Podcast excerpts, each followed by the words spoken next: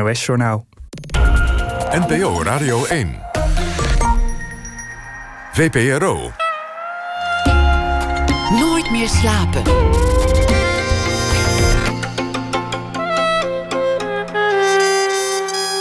Met Pieter van der Wielen. Goedenacht en welkom bij Nooit meer slapen. Dagen dat je ochtends opstaat, hopelijk niet al te vroeg.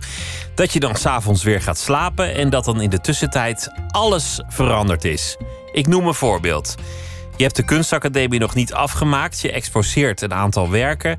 En werelds beroemdste kunstverzamelaar, Charles Saatchi, loopt ineens zomaar naar binnen, murmelt wat euforische kreten en koopt meteen vijf van je doeken. Niet één, niet twee, niet drie, niet vier, maar vijf. Dat soort dagen. En daarmee was ook uh, de ster gerezen van mijn gast komend uur. Michael Reddeker maakte het mee, alweer twintig jaar geleden. En natuurlijk, zonder die hele Saatchi had hij het vast ook heel ver geschopt. Maar Michael Reddeker is een van Nederlands beroemdste kunstenaars wereldwijd. Laten we het wel even ordinair houden. Hij is ook een van Nederlands duurste kunstenaars. Zijn doeken kosten mooi geld. En in Nederland zelf is hij gek genoeg helemaal niet zo ontzettend bekend. Maar dat kan nog allemaal komen, want in Grim Galerie in Amsterdam is nieuw werk van hem te bekijken. Reddeker werd geboren in 1963. Ja. Welkom. Dank je. Leuk dat je er bent. Ja. Het, het, was, het was alweer lang geleden dat ik ergens naar binnen liep om kunst te kijken. Mm. Dat, Ja. dat, doe ik, dat doe ik normaal eigenlijk best vaak, misschien wel te vaak. En ineens doe je het maanden niet. Het, het moet dan met enorm getut. Alles moet met getut tegenwoordig. Ja. Maar goed, dat is nou maar eenmaal zo. Maar daar- daardoor was het, was het ook wel. Ja, mooi om weer mee te maken. Dat je dan alleen in zo'n zaal staat, omdat alles op afspraak moet. Dat, dat het heel rustig is en dat je dan echt alleen bent met die werken en daar dan ook de tijd voor kunt nemen. Ja. Hoe, hoe is het voor jou eigenlijk anders, exposeren in deze tijd? Nou ja, eh, er is inmiddels gelukkig weer wat veranderd. Want ik dacht eerst dat het misschien een, alleen een virtuele tentoonstelling zou zijn. Hè? Alleen online.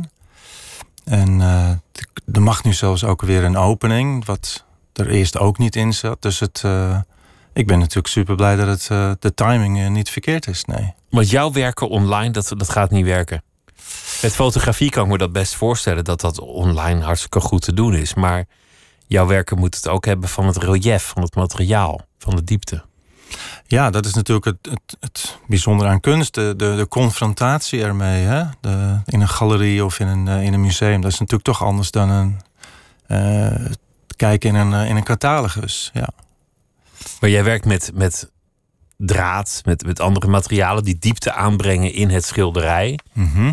Wa- Waardoor het ook, ook een, nou ja, een soort, soort gewelvingen krijgt en dergelijke. Dat, ja, dat kan je niet online bekijken, dat komt niet over, dat heeft geen zin.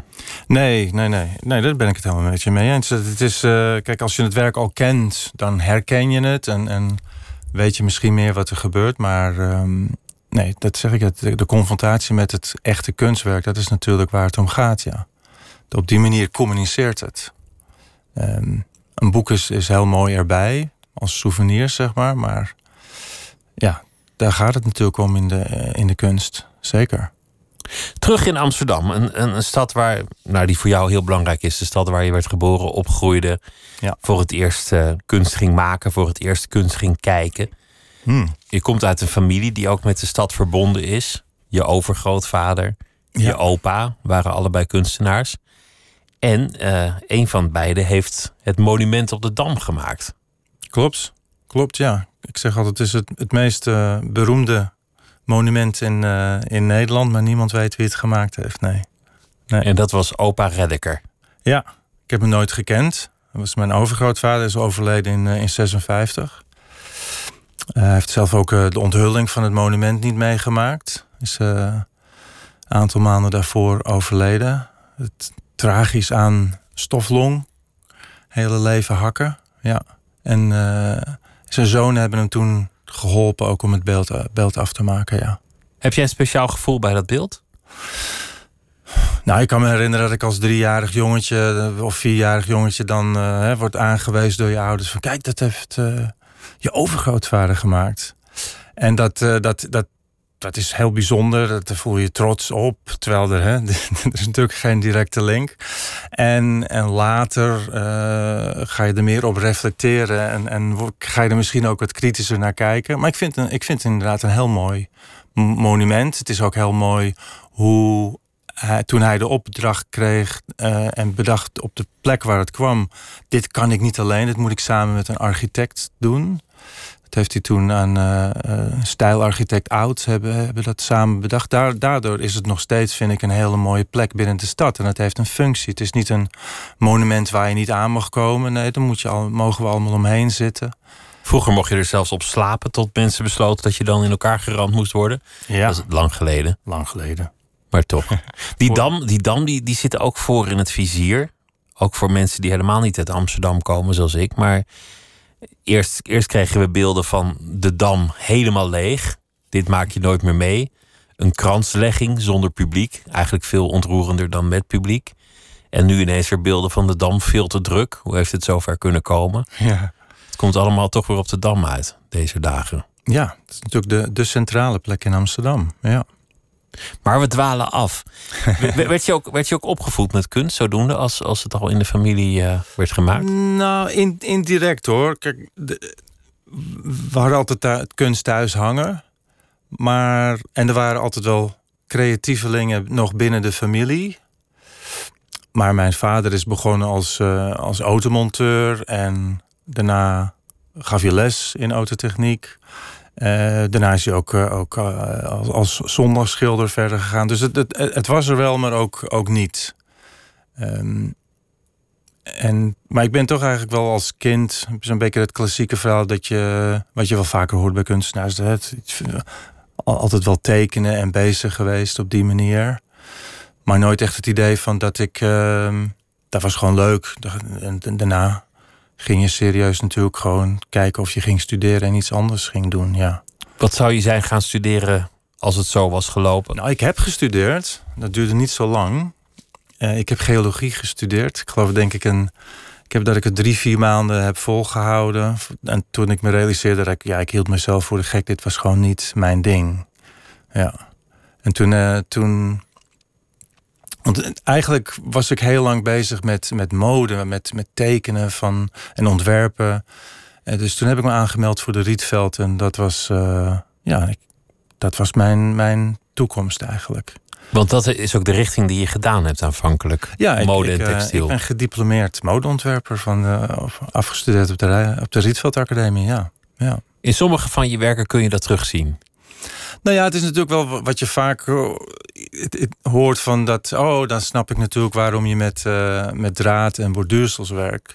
Uh, maar dat zie ik zelf niet. Uh, ik snap het wel, maar het, ja, ik zeg altijd: kijk, een, een ontwerper die ten eerste maakt die bijna nooit zijn kleding. En die gaat er niet met naald en draad zitten. dat doe je met een naaimachine. Maar natuurlijk, er zal wel iets met affiniteit met het, met het materiaal zijn. Maar ik, ik, had ook wel echt andere redenen waarom ik uh, daarmee uh, ben begonnen.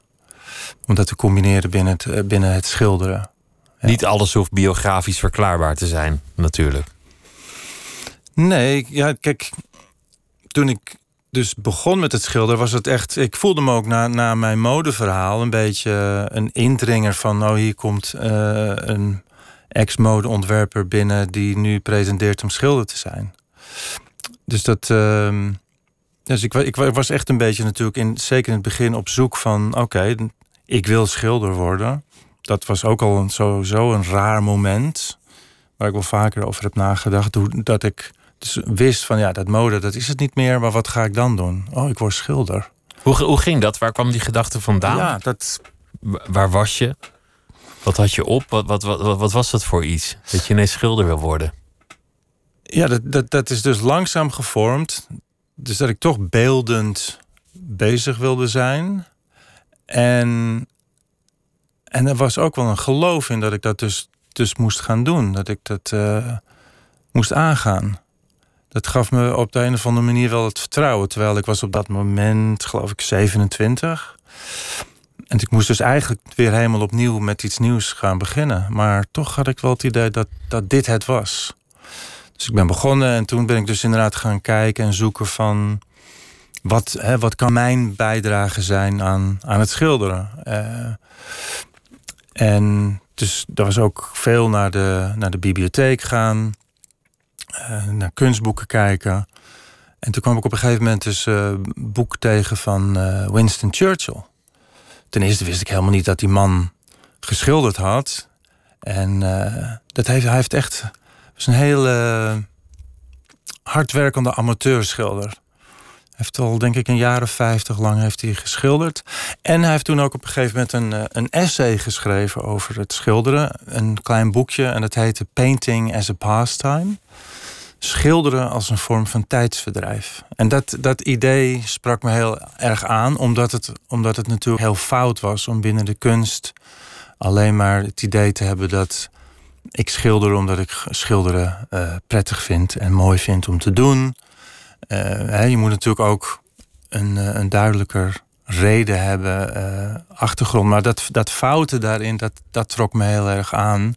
En die pastime, dat tijdsverdrijf, dat, toen ben ik eigenlijk bij dat borduren uitgekomen.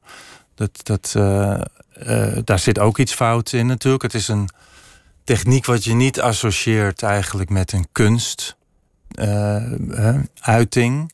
Het is een handarbeid en kunstnijverheid. Dus dat fouten, dat, uh, dat trok me heel erg aan natuurlijk om. Ik, ik, ik, ik, zei altijd wel, ja, dat, is, kunst is er om, om, om niet kunst te zijn. Dus je, dat, dat is zoiets wat je als, als, als jongere hebt, het rebelse, dat je tegendraads bent uh, iets tegen de andere generatie ingaat. Juist door het als een hobby te benaderen, zoals Churchill deed en zoals politici nu ook naar kunstenaars zeggen dat het, dat het allemaal maar hobbyisme is. Ja. Ja. Biografen hebben vaak gezegd dat Churchill het deed om allerlei emoties te verwerken van het verlies van zijn kind. En, en andere pijnlijke dingen, dat hij dat wel in zijn schilderen gestopt moet hebben.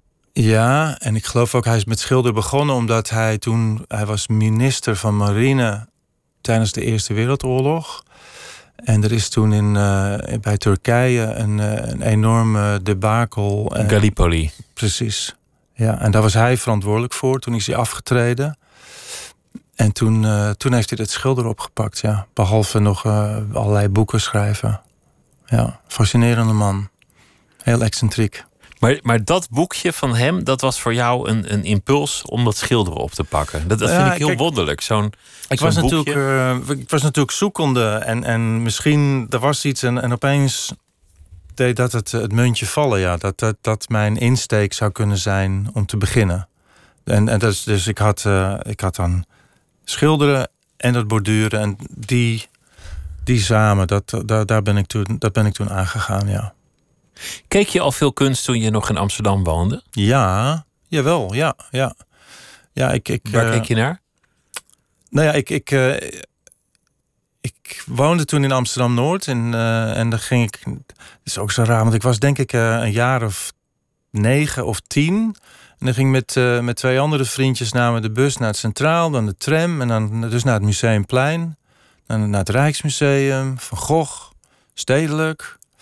En uh, ja, we konden natuurlijk niet zo lang kijken. Dus het werd, werd natuurlijk ook al vrij, vrij, snel spelen en elkaar najagen. En dan weer eruit gegooid. En dan ging je naar het volgende museum. Maar ja, dus later, eh, als, als je dan 14, 15, 16 wordt, dan ga je natuurlijk heel anders kijken.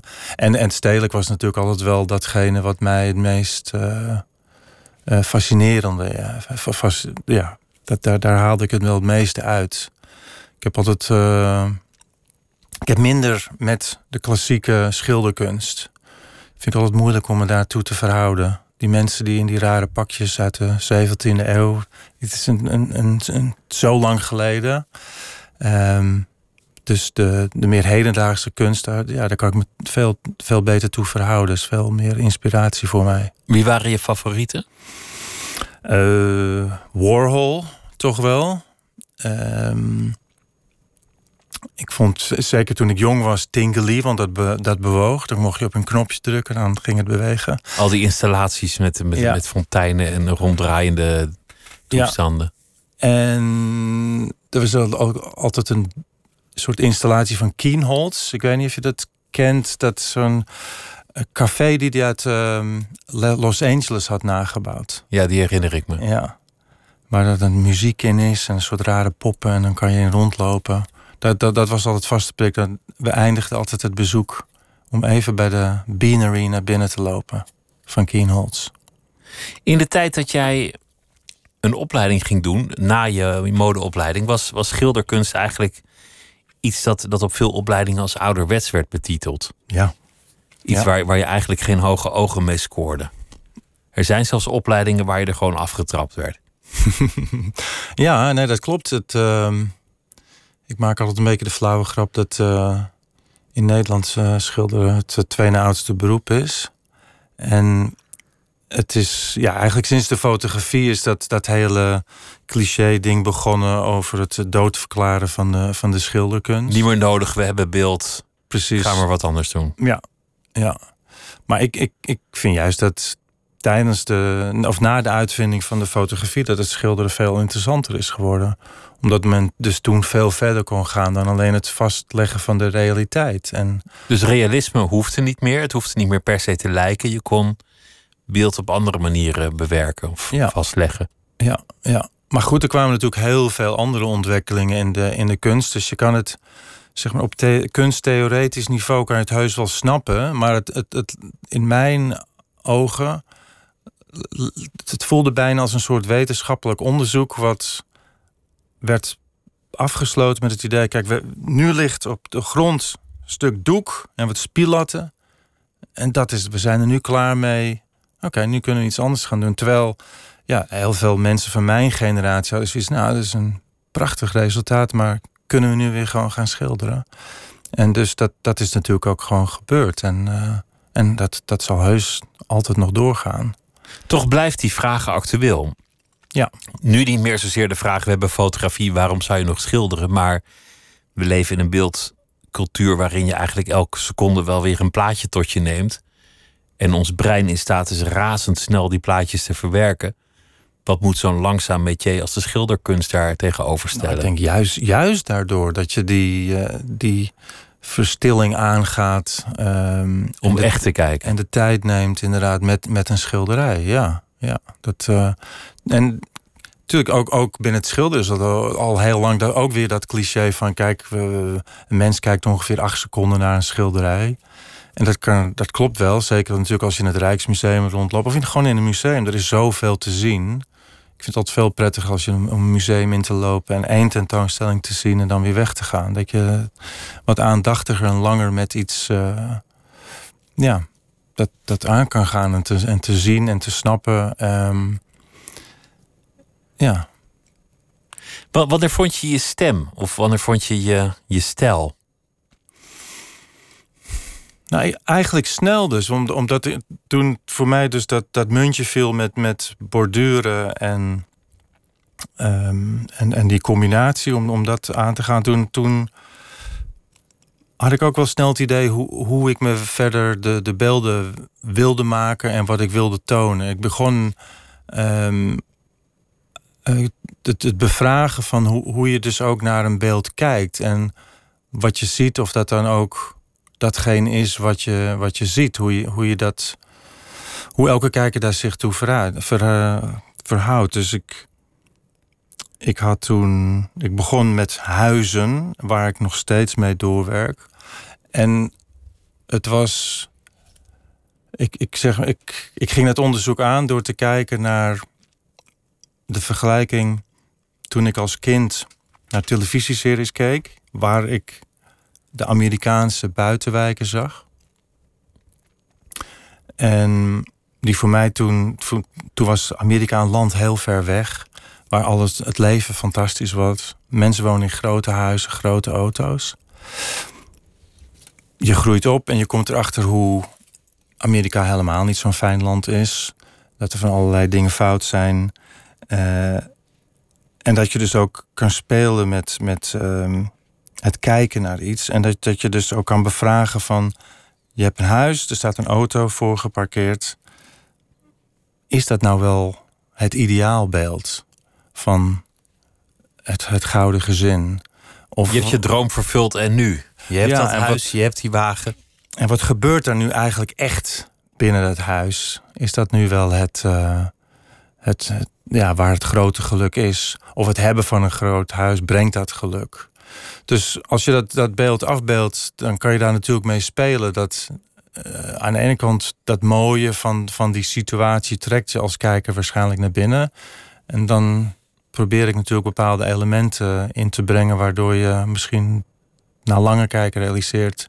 Of naar het eerste moment realiseert van ja, wacht even, hier iets, hier is iets onheimisch eigenlijk aan de, aan de gang. Wat, wat, wat, wat speelt daar zich af achter die façade? In, in de galerie zijn nu studies te zien. En dan zie je verschillende keren min of meer hetzelfde landschap. Een, een vennetje, een meertje met, met wat bomen. Of, een, of, een, of een huis met een auto. En het zijn doeken meestal in blauwe tinten. Of, of soms andere tinten. Het deed mij denken aan de nacht. Ja. Het moment dat je rondloopt s'nachts.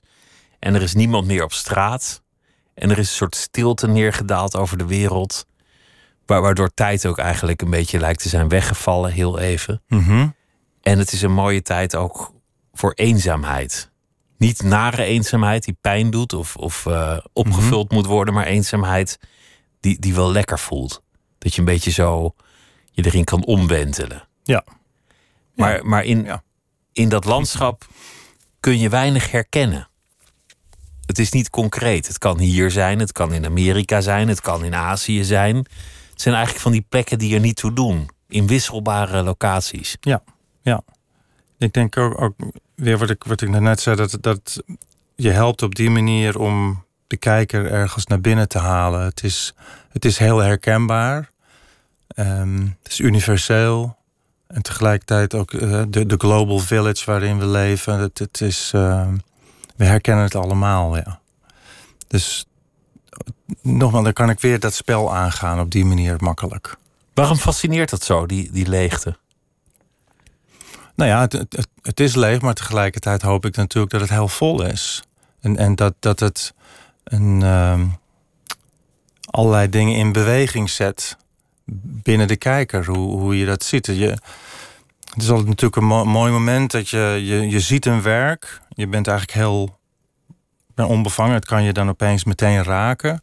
En het is een, het is een moment waarbij je eigenlijk nog niet nadenkt. En daarna begin je natuurlijk iets in een, in een bepaalde context uh, te plaatsen. En, en je, ja, jij noemde net een aantal dingen op. Dus dan begin je misschien ook te denken aan een bepaald boek wat je hebt gelezen. Een scène uit een film. En zo, zo kan je eigenlijk alle kanten op, ja. Dus het is leeg, maar op die manier hè, komen er allerlei dingen langzamerhand meer bij. In de inleiding pleegde ik een groot misdrijf. Namelijk, ik uh, maakte een sprookje van je leven. en, en, ik, en ik zag in jouw gezichten dat je eigenlijk dacht... ja, ik herken me daar helemaal niet in, joh. Wat, wat, wat doe je nou weer? Want, want ik maakte jou een jonge, zwoegende kunstenaar... en ineens de grote man in de dikke auto... die stopt voor de galerie en koopt vijf werken van een onbekende... en lanceert hem als een ster. Mm -hmm. zo, zo ging het min of meer, maar niet helemaal. Hoe, hoe ging het eigenlijk wel?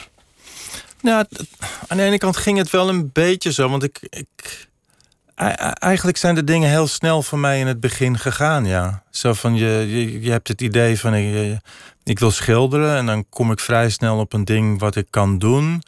Um, ik ga uh, aangenomen op de, op de academie, op de Rijksacademie. Dat gaat heel goed. Uh, je wint de koninklijke subsidie voor de schilderkunst in het eerste jaar. Volgende jaar genomineerd voor de Prix de Rome. Uh, dan besluit je naar Londen te gaan. En het, het, heel veel dingen gingen heel snel. Maar er zat ook net genoeg tijd tussen om, om aan elke nieuwe situatie te wennen. En sowieso, als, als kunstenaar wil je natuurlijk dat mensen graag je werk zien. Dus dat stimuleert ook. Uh, maar Londen was op dat moment het centrum van, van de kunst. Van alles wat toen gaande was. Er was toen heel veel gaande. Ja, je had, Tracy uh, Emin had ja, je en ja. uh, Damien Hirst. En, en ja. alles kwam neer op meneer Saatchi.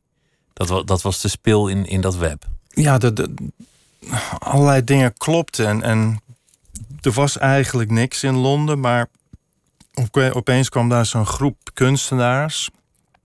En die, uh, die kwamen op een moment dat er ook een verzamelaar was die wat anders wilde.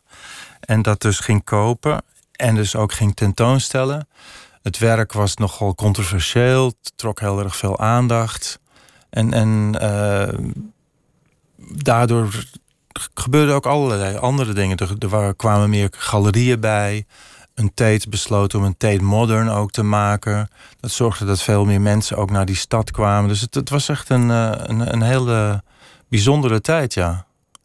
Ik vind het wel een mooi contrast, want, want dan heb je Tracy Emin die, die uh, haar bed tentoonstelde en uh, de bebloede watten van haar abortus en, en, en, dat soort dingen. En die toch hele rustige, zachtaardige kunst die jij maakt. Maar dat hij daar toch van profiteert dat dat allemaal gaande was. Ja, ja, ja hij uh, het is natuurlijk een reclameman. En, uh, Saatchi is een reclameman. Ja, Saatchi. En die, uh, die had natuurlijk een aantal jaren die meer controversiële kunst verzameld. En toen begon hij dus inderdaad met werken van mij en een aantal andere kunstenaars. En dat bracht hij onder de noemer New Neurotic Realism. Dus hij, hij verzon eigenlijk een kunststroming. En dat, dat was, dat was een, uh, een enorme misgreep. Dat werd niet echt door, door iedereen serieus genomen. Zeker ook niet door mij. Maar het was inderdaad wel een idee van... kijk, hier zijn een aantal kunstenaars die misschien niet die, een, uh, die controverse meteen aangaan. Dat het... dat kan inderdaad meer in. Uh, en, en het handmatige wat meer in, de, in het maken zit. Maar hij had allemaal mensen die hem volgden. Als hij iets kocht, dan, dan renden er meteen tien anderen achteraan. Dat klopt. Ja. Dan, wil ik dat ook hebben. Ja, dat, dat eh, was absoluut waar. Dat hij kocht het en daardoor gingen andere mensen die wilden weten wat hij heeft gekocht, die wilden dat ook wel zien. En, en, en dan kon het niet inderdaad ook ervoor zorgen dat men dat dan ook wilde kopen. Ja.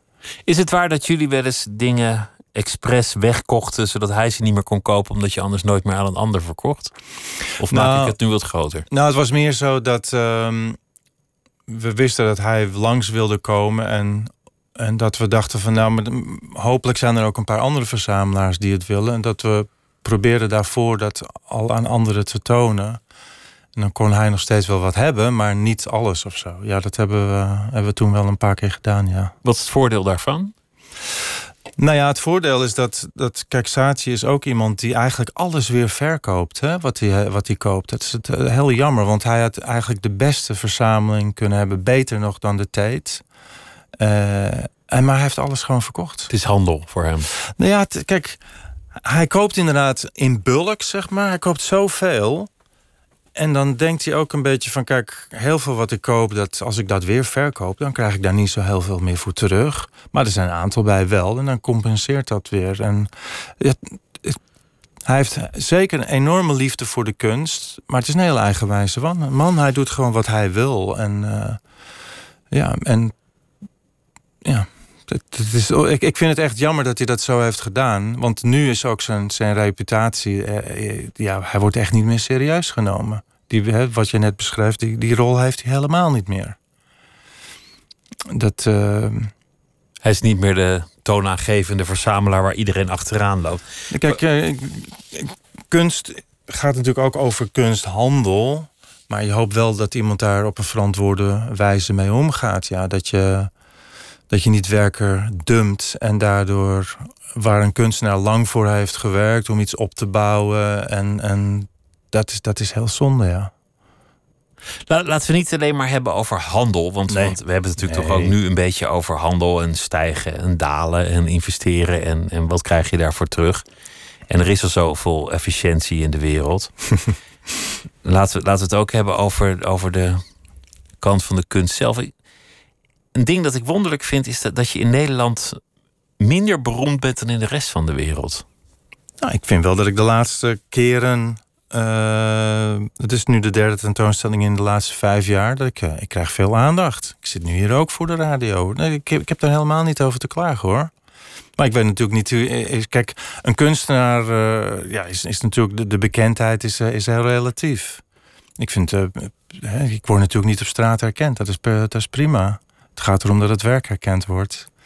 Um, de kunstenaar maakt zich onzichtbaar om, om, het, om het werk te tonen. Voor, ja. voor wie net inschakelt is uh, Michael Reddeker tegenover mij vanwege een uh, expositie in de Grimm Galerie in uh, Amsterdam. Tegenover het Stedelijk Museum zijn nieuwe studies van hem te zien. Je verhoudt je echt tot de kunstgeschiedenis. Ja. Door, door gewoon te werken op een plat doek dat gespannen is. Door een kwast in de hand te nemen. Dan, dan kom je automatisch in een soort kanon terecht. In een dialoog met, met voorgangers. Ja, wat je tegelijkertijd ook wel weer moet vergeten. Ehm, maar ja, dus het is een beetje een, een, een, een spel daarmee. Ja. Je, je, je hebt de geschiedenis, die, eh, die neem je mee, mee. Maar je moet hem ook in een hoek schoppen. Om, om op die manier verder gewoon je eigen ding te kunnen doen. De geschiedenis niet heilig verklaren? Nee, absoluut niet. Nee, nee. Uh, maar meer zien als inderdaad als, als inspiratie en kijken hoe we nu toch weer verder moeten. Studies zijn wel interessant. Normaal gesproken zou je zeggen, een studie die, die verlaat het atelier niet. Waarom zou iemand naar studies kijken? Maak het eerst maar eens af, kom ik daarna wel kijken.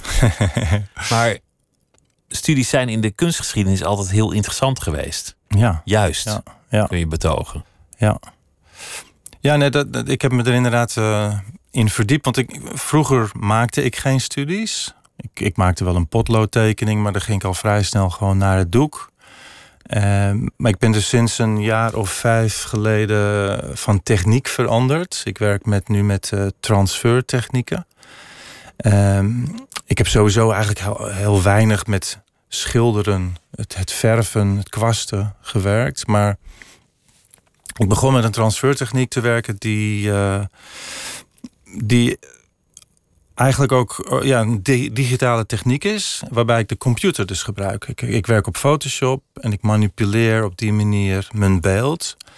Uh, tot ik dat op het scherm goed vind en dan druk ik het af, gewoon kleurkopietjes. Uh, en dan maak ik testen. Ik moet kijken of wat, wat er zo mooi op het scherm uitzag, of dat ook klopt. Uh, en dus ik ben er toen begonnen om studies te maken, ja. En toen ben ik ook een beetje natuurlijk gaan verdiepen in de kunstgeschiedenis, het verhaal over de geschilderde schets, de studie. En dat vond ik wel heel fascinerend, ja. Wat, wat vond je zo fascinerend?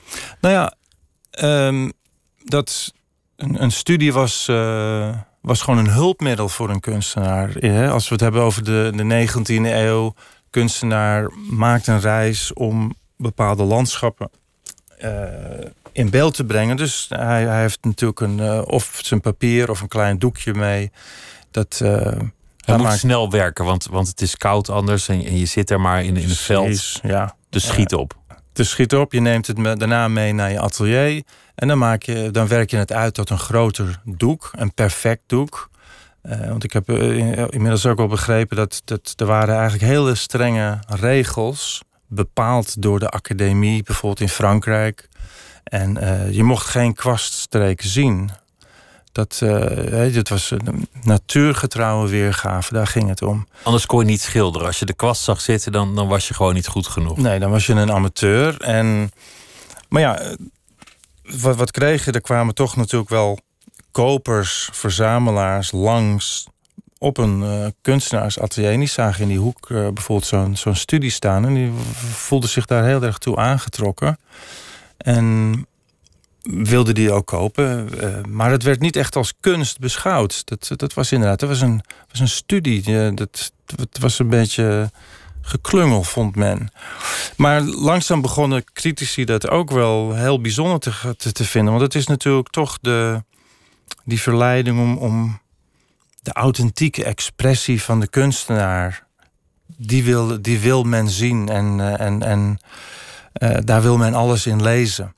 Dus, dus de kunstenaar voelde zich vrijer, want het was toch nog niet het echte doek. Dus, dus je kan wat meer met je technieken experimenteren, wat ja, sneller werken misschien. Ja, nou ja, het ging nog niet zo heel snel, maar het heeft wel heel veel in werking gezet. En ik kwam toch wel tot de conclusie dat eigenlijk dat, dat de het, het, geboorte van de moderne kunst is geweest. Impressionisme. Ja, dus dat, dat kwam eruit uit voort. Je, je, je kreeg dat uh, op de salon in, uh, in Frankrijk. Dat de, er werd een, een, speciale afdeling voor alleen de studies getoond. Maar het was geen kunst, maar het werd wel getoond en het werd steeds populairder. Inderdaad, kunstenaars onderling vonden eigenlijk dat ze op die manier gewoon echt werk moesten gaan maken. En zo zijn er allerlei dingen uh, hè, dus begonnen. En inderdaad dus ook het impressionisme. Uh, en ik denk zeker ook mede door die uitvinding van de fotografie is dat natuurlijk een hele andere wending heeft uitgenomen. Maar ik voelde me, voelde me natuurlijk daardoor aangetrokken dat idee van ik heb eigenlijk een computerfile, die kan ik klein afdrukken, maar ik kan hem ook groter afdrukken. Wat is nou het echte werk? Dat, dat, dus dat vond ik een heel mooi om daar, uh, dat verder te onderzoeken uh, de afgelopen jaar. Want je, je maakt meestal hele grote doeken en nu zijn het kleinere studies van hetzelfde doek. Ja. Maar, maar soms best wel gelijkend op het, op het uiteindelijke werk. Ja, kijk, het is niet echt. Ik, ik denk niet dat het interessant is om de twee met elkaar te vergelijken. Um, kan wel, maar ik vind het inderdaad veel bijzonder in deze, uh, deze tentoonstelling om gewoon bij elkaar te brengen wat ik zo'n beetje de laatste tien maanden ongeveer heb gemaakt. En daarvan bestaan een aantal al, al ook als grotere werken. Een aantal nog niet, of ze zijn nog niet af. En sommige zullen ook niet, niet verder gaan dan, de, dan deze studie. Werk je ook in, in verstilling, omdat we het hadden over de sfeer van jouw doeken? Nacht, plekken die verlaten zijn, plekken waar je eigenlijk zowel het ideaal als de wereld erachter kunt verkennen.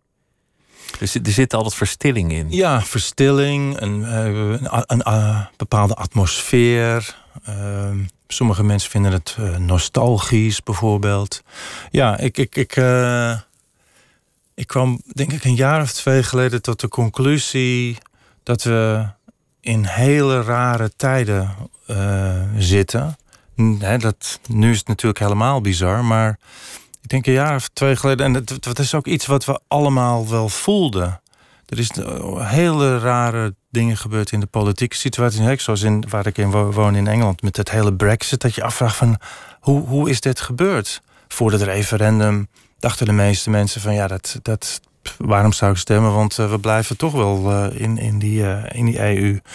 Hoe kan Trump in hemelsnaam president worden? Toen hij zich verkiesbaar stelde, waren we er lacherig over. Die man die wordt nooit gekozen.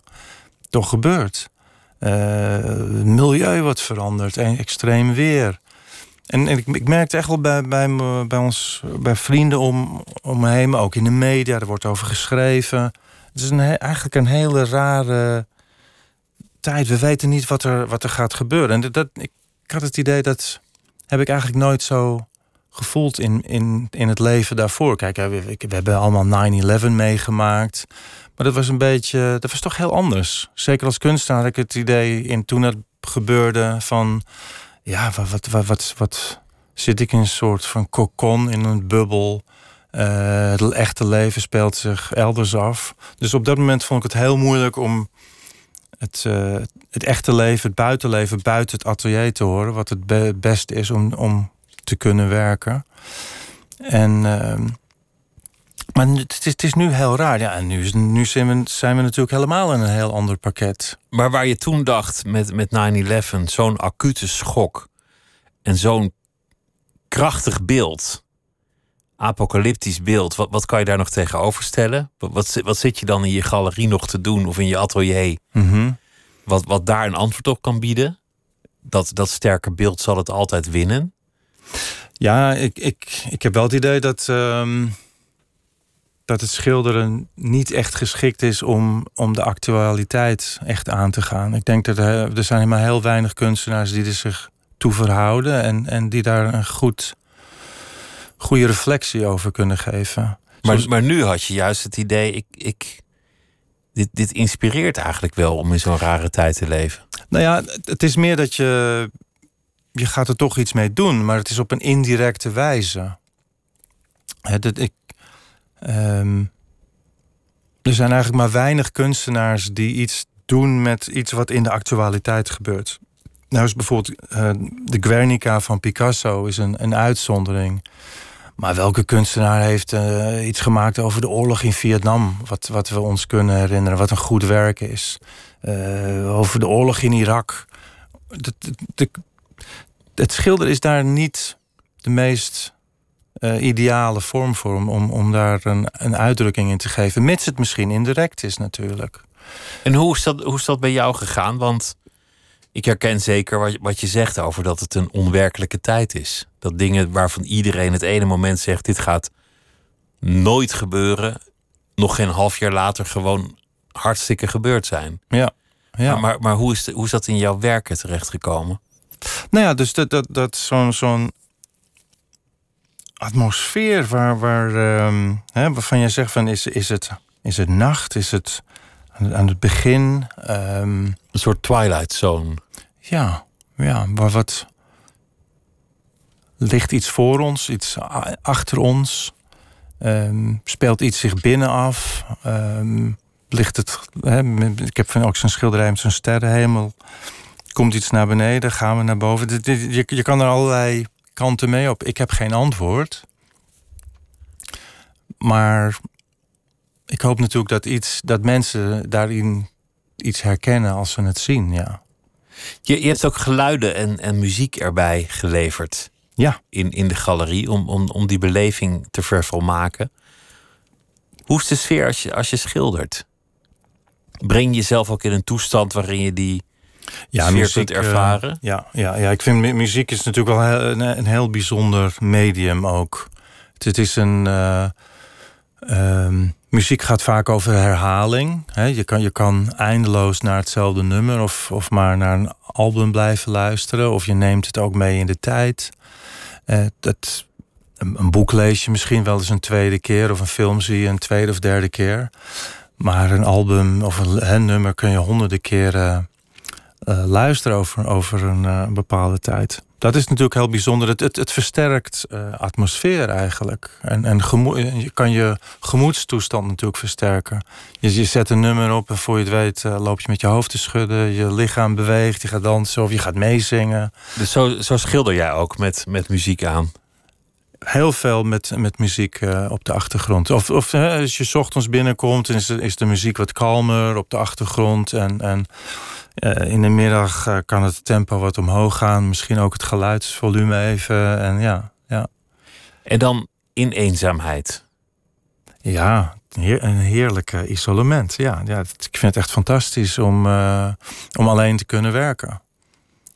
Je, je ziet je, je vrienden. Nou ja, de laatste tijd was lastig natuurlijk. Maar je hebt natuurlijk een heel leven erbuiten. Maar dat leven in het atelier, dat is, uh, dat is isolement. Dat is op die manier. Uh, ja, dat, dat, is, dat, dat vind ik nog steeds fascinerend. Ja. Alleen het atelier. Weer aan een nieuw werk beginnen. Ja. Je hebt, je hebt ook muziek meegebracht. Want je, want je bent ook een tijd uh, zelf min of meer actief geweest in de muziek. Ja, ja de, de muziek die, um, die ook speelt bij de, bij de tentoonstelling um, heb, ik, heb ik gemaakt inderdaad. Ja. Uh, ik heb uh, dus. Er is een soundtrack bij de tentoonstelling. Ik vond het wel toepasselijk om daar. Om, ik wilde dat al eerder doen, maar om dit, dit natuurlijk toch een, over schetsen gaat en studies. Past dat experiment er ook wel bij om, om, om dus geluid erbij te hebben. En dat, dat, dat is meer stilte dan geluid. Het zijn een soort korte stukjes die binnenkomen en, en dan zijn ze ook weer, weer weg. En ik hoop eigenlijk. Het, het gaat ook weer over atmosfeer eigenlijk. Het, het, versterkt iets of het, duwt iets in een bepaalde richting. Wat, we gaan luisteren, dat is uh, The Caretaker. En uh, volgens mij kent bijna niemand dat. Ik althans niet. En uh, misschien ben ik de enige hoor, maar ik denk, denk het echt niet. En hij verwerkte oude 78 toerenplaten van wel eer in, in zijn muziek. Laten we luisteren naar een van zijn stukken. Ja.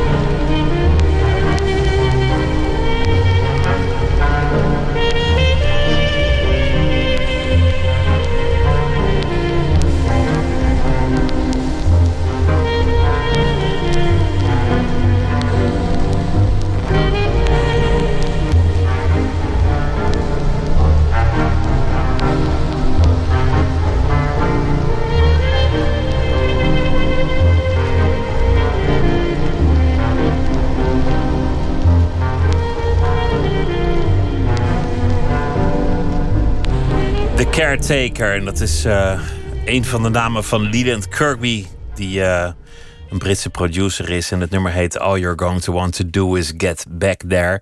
Geïnspireerd op uh, The Shining, de film met Jack Nicholson. Mm -hmm. En dat, dat is zo'n zo'n scène dat ineens alle tijden door elkaar heen lopen. En het jurkje zelf begint te dansen. En dat verlaten hotel toch blijkt te leven in een andere tijd. Maar tegelijk ook niet helemaal die andere tijd. Verleden en heden lopen op een angstaanjagende manier door elkaar. Ja, angstaanjagend inderdaad. Ja. De engste film die, die ik vermoedelijk ooit gezien heb. ja. Michael Reddicker zit tegenover mij. Uh, kunstenaar die zich ook bezighoudt met eigenlijk dat. Een soort schimmentijd. Het verleden, het heden, de droom, de werkelijkheid. Een soort schemerzones probeer je tot uiting te brengen. Ja, ja het is het, het zoeken naar het doseren, suggesties. Um, ik zeg altijd, kijk, we, de, de, we hebben zoveel gezien. Uh, je hoeft niet alles uit te leggen. We, we hebben aan een seconde genoeg en we herkennen al een sfeer en een beeld ja. en een associatie. Ja, ja. Dus, en dat, dat is ook de, de. Ik heb al het idee, de, de kijker die, uh, die maakt het beeld af. Niet ik. Want hè, op het moment dat het, het werk het atelier uitgaat, dan, uh, dan ben ik ermee klaar. Maar dan begint het eigenlijk natuurlijk elke keer pas weer als iemand het ziet. Ja. Dan is het geslaagd voor jou. Als het, als het werk iets losmaakt waardoor iemand blijft kijken, aan het malen slaat en het beeld niet in één keer helemaal kan grijpen, vatten. Ja, dat is natuurlijk het bijzondere aan een kunstwerk. Het gaat door de tijd reizen, hoop je. En uh, wat, iets wat we nu zien en mooi vinden, hoe, hoe kijkt men daar over 50 of 100 jaar naar? Dat is natuurlijk uh, dat is ook een heel fascinerend element aan, aan kunst. Ja. En ook aan beeld. Ja. Beeld, beeld is iets wonderlijks. De hele wereld is in de band van een, een filmpje van een arrestant die wordt vermoord. Mm -hmm. Beeld, beeld is meteen een stuk sterker dan wanneer het tekst zou zijn of iemand het je zou vertellen. Vier eeuwen onderdrukking die kunnen niet opwegen tegen vier minuten film. Ja. Om, omdat beeld ons meteen grijpt. Ja, het is zo fantastisch dat dat beeld er is, dat we het, het onrecht kunnen zien gebeuren. Ja. En dat er hopelijk uh, dat dat consequenties zal hebben. Ja. Toch zal ook dat plat slaan als je te vaak van die filmpjes ziet. En ik vrees dat ik ze al te vaak gezien heb. Dan, dan zal er op een dag ook wel weinig van uitgaan. Omdat je denkt, er gaan we weer. Weer zo'n filmpje. Weer, weer iemand. Uh, ik, ik hoop toch dat dat, dat niet zal gebeuren. Uh, en het is natuurlijk bijzonder om te zien uh, hoe, hoeveel er hè, ook hier in Nederland tegen wordt geprotesteerd. Dus we zijn nog niet uh, murf geslagen, gelukkig. Nee. Gelukkig. Ja. Dat, dat is wat beeld kan doen. Je, je, je vertelde dat je naar Londen ging als, als jonge man. Om daar, en dat het toen zo'n bruisende wereld was om te leven. Ja. Een fascinerende plek is het nog steeds wel. Zeker, absoluut. Ja, ja het heeft een hele bijzondere. Ja, het is een hele bijzondere energieke plek. Dat blijft het altijd wel, uh, wel houden. Het idee dat uh, daar, daar is toch wel van alles mogelijk. Het is ook een harde stad, ja. Het is een stad met veel meer extremere, extreme tussen bijvoorbeeld ook arm en rijk. Het heeft ja. ook wel iets van The Shining. De tijden die door elkaar lopen. Ja. Heel modern, heel ouderwets. Ja, vervallen. Het industriële, het vervallen. Ja. ja. Het opgepoetste. Allemaal door elkaar en vlak bij elkaar. Ja, dat was wel een shock toen ik uh, in 96 daar, uh, daar rondliep. Op de eerste dag kwam ik in een winkelcentrum en ik had het idee dat ik in communistisch uh, Roemenië was beland. Ja, dat was een enorme achterstand. De, nog steeds achterstand van, het, van hoe, hoe ze. Dus de prijs die ze moesten betalen van het, het winnen van de Tweede Wereldoorlog eigenlijk. Voor al die bommen? Ja, maar hè, wat, wat vanuit Engeland is natuurlijk ook Europa be bevrijd. Um, het was het land waar de industriële revolutie is begonnen. Daardoor waren ook de industrie het als eerst verouderd. En um, dat, ja, dus in 1996 toen ik daar kwam, zag je dat eigenlijk nog, uh, nog steeds daar wel de sporen van, ja. Heb je veel contact daar met, met andere kunstenaars? Maak je, maak je nog deel uit van een beweging. Want je, je zei dat Saatchi had geprobeerd een beweging te maken van, van je werk door er een, een label op te plakken, alsof het een soort groep was. Ja, ja we willen, dat, dat, dat, willen we natuurlijk wel graag. Maar ik heb het idee dat dat, uh, dat is best lastig, want alles kan en mag tegenwoordig. Dus, dus hoe bedenk je nog een stroming? Ja, ja, er zijn natuurlijk altijd wel overeenkomsten met dingen die, die er gebeuren en die je kan zoeken. Maar om, dat, om daar meteen een stroming van te maken, dat is wel, wel, wel lastig. Um, maar, want er gebeurt zoveel, ja. Dus er zijn heel veel. Hè, je kan natuurlijk super fotorealistisch schilderen, abstract schilderen, allerlei vormen daartussen. En dat, dat, dat, en dat gebeurt dus ook. Dat is misschien het ingewikkelde aan de kunstgeschiedenis zoals die zich ontwikkeld heeft. Vroeger kon je dat dan in mooie stromingen neerzetten van uh, en nu is het de tijd voor het impressionisme. En nu gaan we over naar het expressionisme. Ja, precies. Of de academie die zegt nee, je mag, je mag geen kwaststreek tonen. En tegenwoordig, niemand zit op dezelfde bladzij. Alles gebeurt tegelijk. Ja, dus dat is heel, heel lastig. Zeker voor een, voor een buitenstaander die die kunstwereld niet, niet kent. En daardoor ja, is het ook heel lastig om daar dan binnen te komen. Ja. Wat is de avant-garde? Waar zitten we nu? Ja. Wie is er nu belangrijk? Ja. En daar is men in wordt... hemelsnaams mee bezig. Ik snap er helemaal niks van. En dan wordt geld maar de graadmeter. Ja, dat, dat, en dan gaat het natuurlijk over dat soort extreme, ja. En dan komen we weer bij de handel, wat eh, de extreme veilingresultaten die, uh, die behaald worden. Dat haalt natuurlijk de, de kranten, ja. ja. Is, is ook mooi aan jouw bestaan dat je, dat je in, in verstilling werkt, eenzaam werkt, lange tijd in, in je atelier zit, al heel lang dat, dat beroep uitoefent. Dus, dus echt duizenden uren daar hebt doorgebracht. Ja, dat is de mazzel die je, die je hebt als kunstenaar. Als, als topsporter uh, kan je tot je dertigste mee, bij wijze van spreken. Uh, als kunstenaar is dat natuurlijk een heel leven lang. Ja. Kan je daarbij doorgaan. Maar, maar dat werk gaat de wereld in waar het vol rumoer is. Waar het, waar het in shows komt te hangen, ontvangen wordt, uh, opgepikt door beroemde verzamelaars, recensies krijgt, geveld wordt, van de hand gedaan het is hip, het is niet meer hip, het is toch weer hip.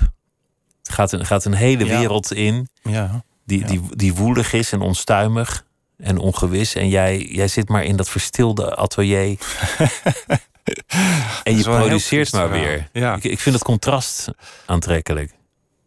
Ja, ja dit is zaak natuurlijk dat, uh, dat je in dat atelier die rust vindt en, en gewoon je ding kan doen die je moet doen. Um, en uh, wat, ik zei dat al eerder, dat je die buitenwereld buiten dat atelier kan houden. Dat vind ik wel. Uh... En dat lukt ook om dat er buiten te houden. Nou ja, dat, dat, zeker nu met, met het hele corona-hoofdstuk was dat, uh, dat was heel lastig in het begin als kunstenaars hebben onder elkaar natuurlijk wel gegrapt. Ja, ons leven verandert niet zo. Wij, wij gaan gewoon weer verder eh, naar ons werk. Wij kunnen gewoon doorgaan.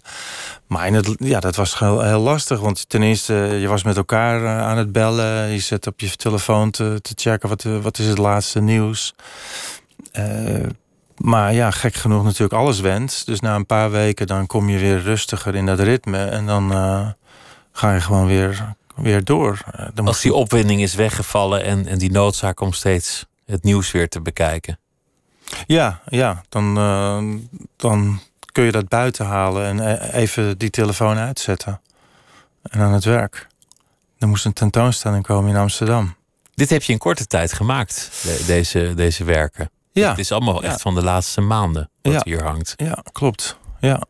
Dus toch een productieve periode geworden. Heel productief, ja.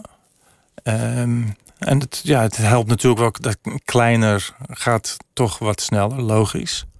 Um, maar het was ook een, een, een, hele, hele prettige, snelle tijd, ja. ja. Gek genoeg, terwijl we hè, wat er allemaal afspelen. Dat lukte toch. Misschien wel juist daardoor. De wereld ging ten onder, maar je vond, je vond verstilling in je kunst. Je kon vluchten. Ja, die, die, ja, uiteindelijk moet je gewoon verder. En, en uh, desondanks ja, en je, eigen, je eigen ding doen. Die energie vinden. Ja. Net als Churchill, die noemde het een pastime. Een hobby, maar, maar die zocht eigenlijk troost.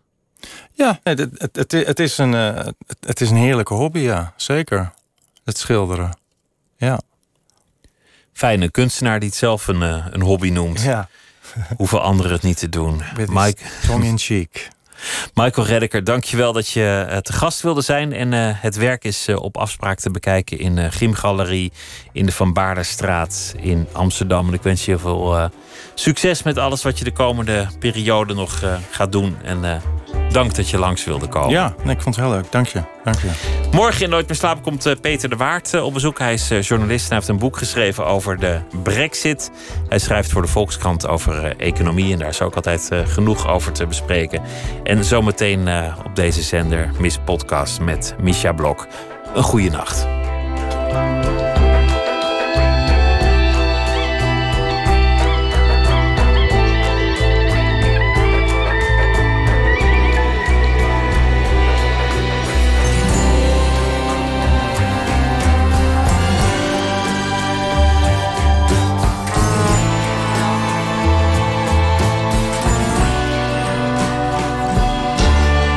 Radio 1.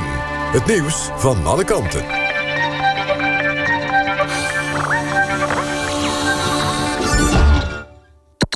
NPO Radio 1.